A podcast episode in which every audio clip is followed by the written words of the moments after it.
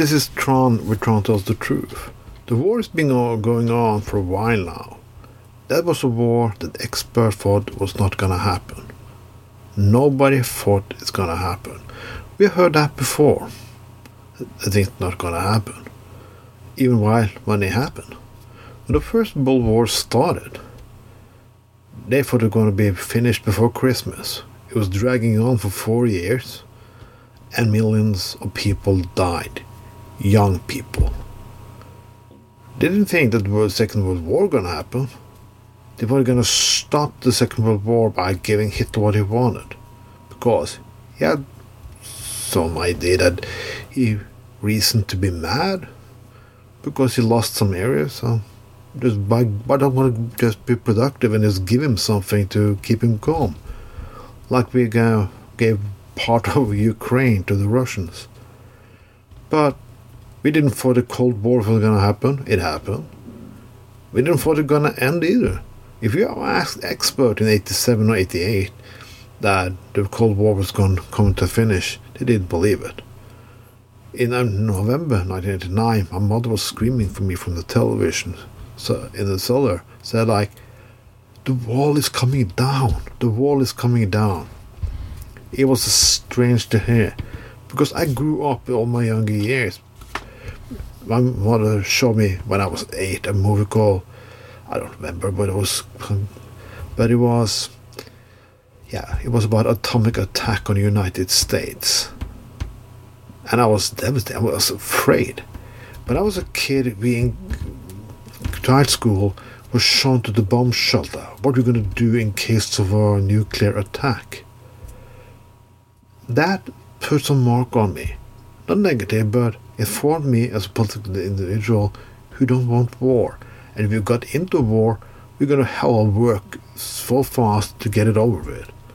But during my lifetime, and I'm only 46, we had two Iraq wars, one on Balkan War, one in Kosovo, bombing in Libya, bombing Afghanistan, and it's going on and on and on and on. We always, after all these wars, are like, oh, well, it's not going to be a regional war, it's not going to be in that area, it's not going to be in that area, but it never does. The world is so fucking connected now. You can see it. When a war in Ukraine starts, the food prices and gas prices increases. So, but Russia who also are destabilizing countries in the Middle East, are putting out forces there, something's going to happen there. And then something's going to happen there because United States is not there, and something happens there because United States already is there. It's all over the fucking border, everywhere, and it's going to be worse. But people say this must not go in to be a third world war. I think they're fucking lying. And they know it. They know it for, for, for a long time. I'm to tell you something about it because the base politics we have in Norway was we're going to have no American people, soldiers stationed on Norwegian soils. They could have training every year to scare the Russians, and the Russians did the same to scare us. That was part of the fucking deal. Now they're stationed there.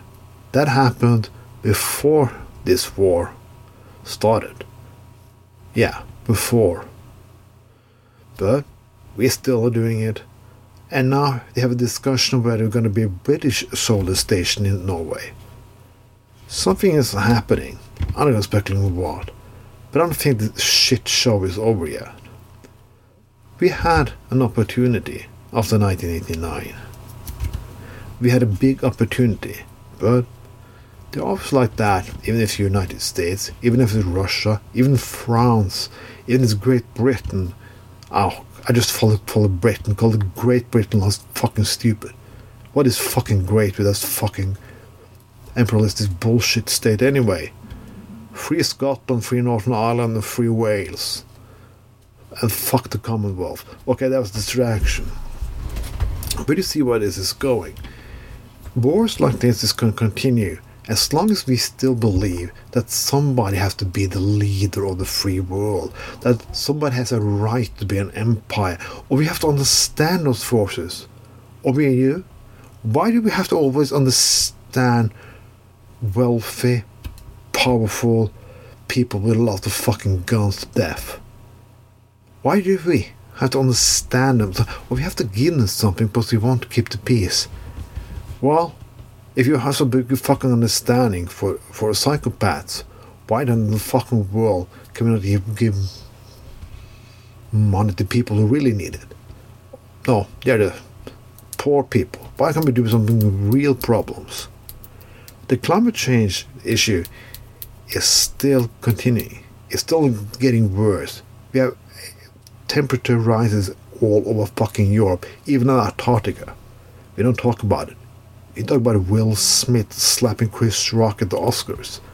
I don't give a fuck if you took a beat his balls or gave him a blowjob. These world people are fucked. We are fucked because there are no changing in attitudes. People have to start sometimes start to change attitudes when it's happening something really serious.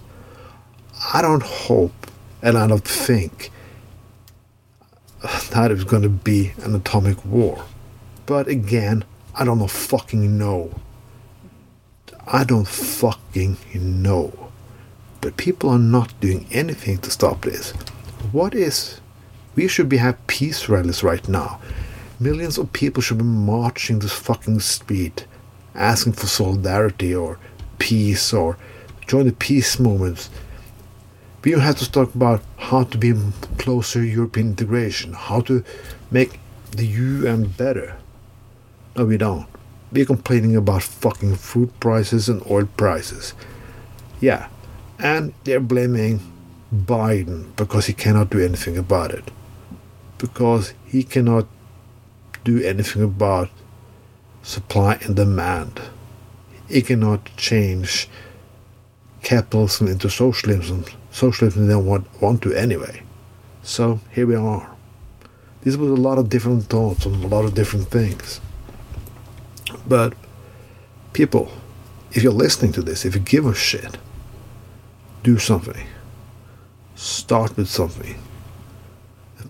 And don't fucking share hearts or likes or bullshit on Facebook. Do something in real life. This was Tron. Tron tells the truth.